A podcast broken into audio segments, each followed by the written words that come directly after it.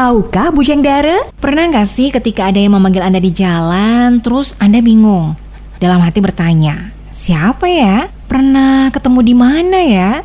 Udah mencoba mengingat, tetep aja lupa. Saking keseringan lupa, Anda dibilang, ih masih muda kok, udah pikun sih.